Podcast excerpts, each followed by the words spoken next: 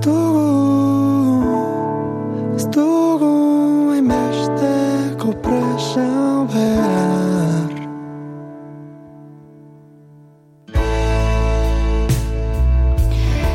Gaur, tartetxo honetan bizkaialdera joateko aukera izango dugu leio arain zuzen ere leioako udalak programa pilotu bat e, garatu du nahi ez den bakardadeari aurre egiteko eta zein da helburua lortzeko proposatutako estrategia badineko pertsonek udalerrik, e, udalerriko derrigorrezko bigarren hezkuntzako lehen mailako ikaslekin belaunaldien arteko topaketak egingo dituzte. Honen inguruan hitz egiteko telefonaren beste aldean daukagu, irati Montoro, leioako udaleko gizarte zerbitzuen teknikaria, irati eguerdion. Eguerdion. Zer modu zaude? Ondo.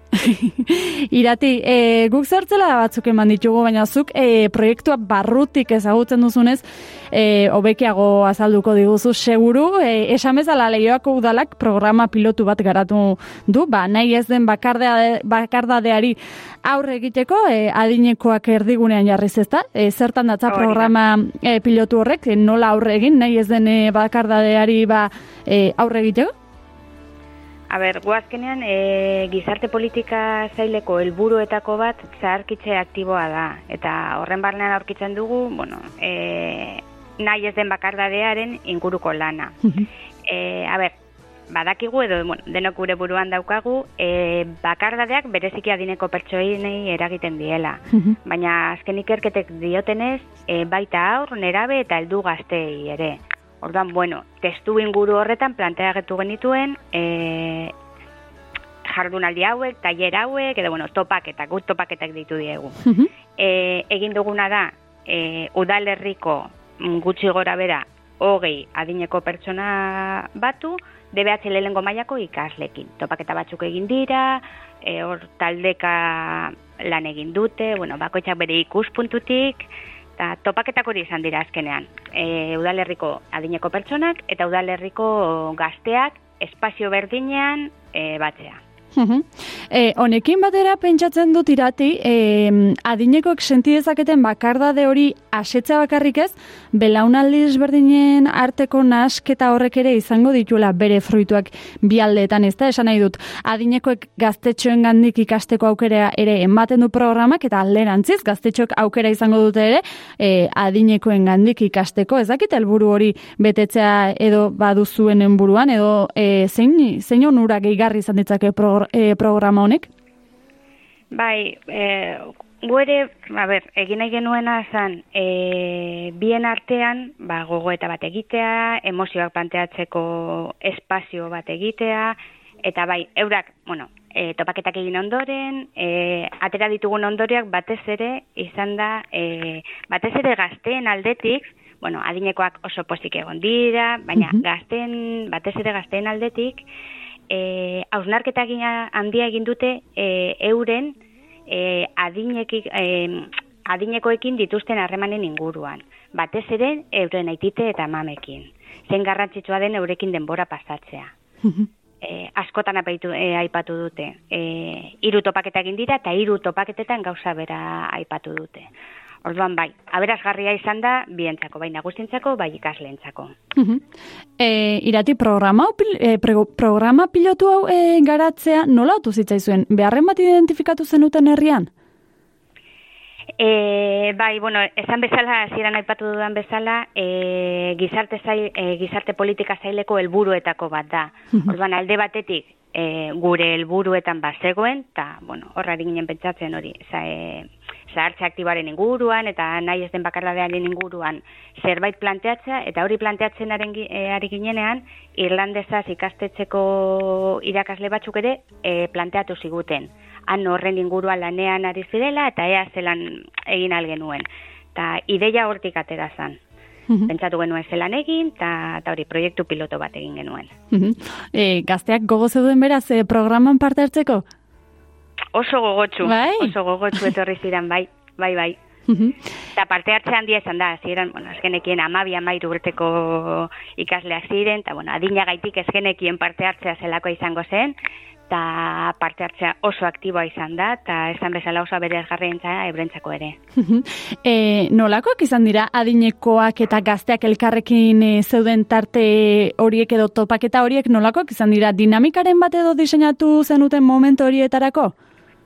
E, bai, dinamika desberdinak egin dira. E, azieran e, talde handian eginda lana, bueno, hor, e, egon da pizka bat, parte teorikoago bat, e, kontzeptuak landu dira, nahi ezen bakardadea, bakardadea, bueno, hainbat kontzeptu, eta gero taldeka eginda lana. E, talde txikitzuetan, e, iru lau ikasle, eta pertsona nagusi bat. Bueno, holan errazagoa da askotan talde txikietan gauzak sortzea, hmm. eta gero talde txikietan sortutako hori, talde handian ba, komunean jarri da.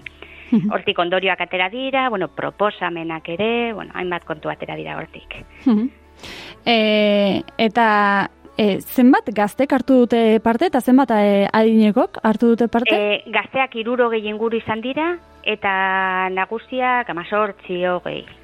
Iru talde izan dira eta talde bako, oza, egun bakoitzean talde horretan egon dira hogei ikasle inguru eta zeiz zazpi adineko pertsona inguru. e, aipatu duzu, hiru topaketa egin dituzuela, ez da? Bai. Eta e, topaketa horien e, horiek izango dute jarraipena edo pentsatzen duzu berriz ere e, programa hau martxan jartzea etorkizunean? E, hori da udalaren asmoa, bueno, esan bezala, e, proposamenak planteatu dituzte, topaketa buetetan, eta orain, bueno, hausnarketa prozesu horretan gaude, haber, proposatu dituzten gauzak gauzatu aldiren dela ez, eta baita ere e, bestikatzetara zabaldu daiteken proposamena. Asmoa hori da, bueno, hori, hausnarketa momentuan gaude, baina asmoa hori da. Alizan ez gero, urrengo kurtsorako ikastetxe gehiagora zabaltzera esperientzia oso positiboa izan da. Bai, irati, e, esan bezala, interesgarria izan daiteke Euskal Herriko beste zenbait herrietan zuen e, pausoa jarraitzea, e, programa martxan jartzea, animatuko zen intuzke Euskal Herriko beste herri batzuk e, zuen programa pilotu hau ba, proban jartzera eta ba, beraien herrietan txertatzea?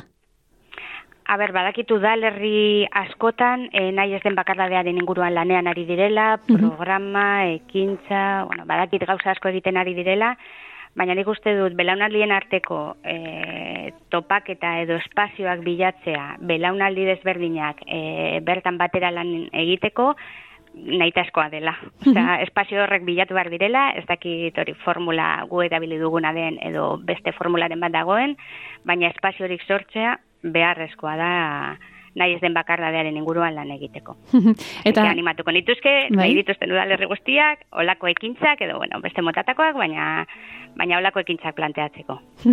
Esan bezala, lehioan e, egin duzu hau, martxan jarri duzu, frogatu duzu, eta arrakasta e, itzela izan du, beraz?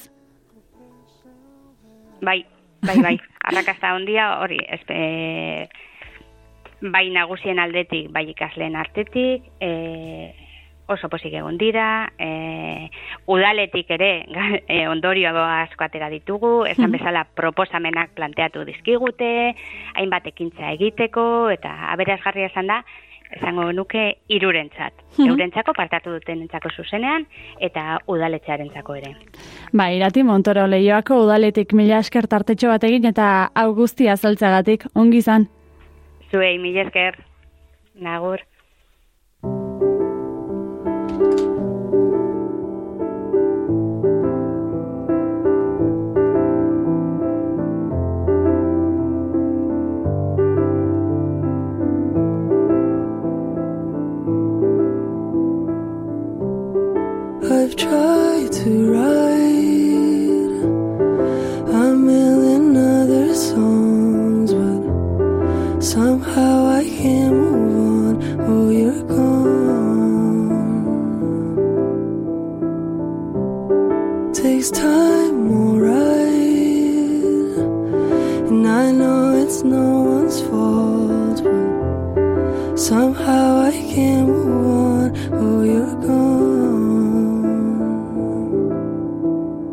So the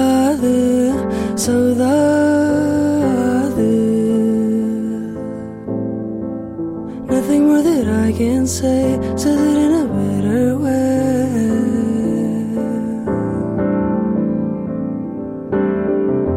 So the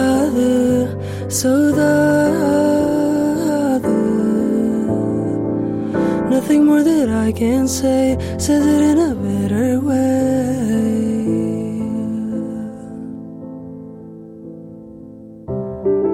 Tem tanto que trago comigo. Foi sempre o meu porto de abrigo. E agora nada faz sentido. Perdi o meu melhor amigo. E se não for demais, peço por sinais. Resta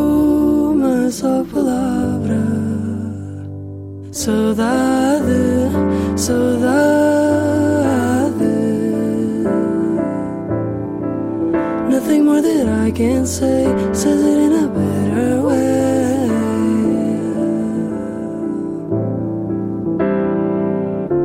Saudade, saudade. Nothing more that I can say says it in a better way. Nothing more that I can say says it in a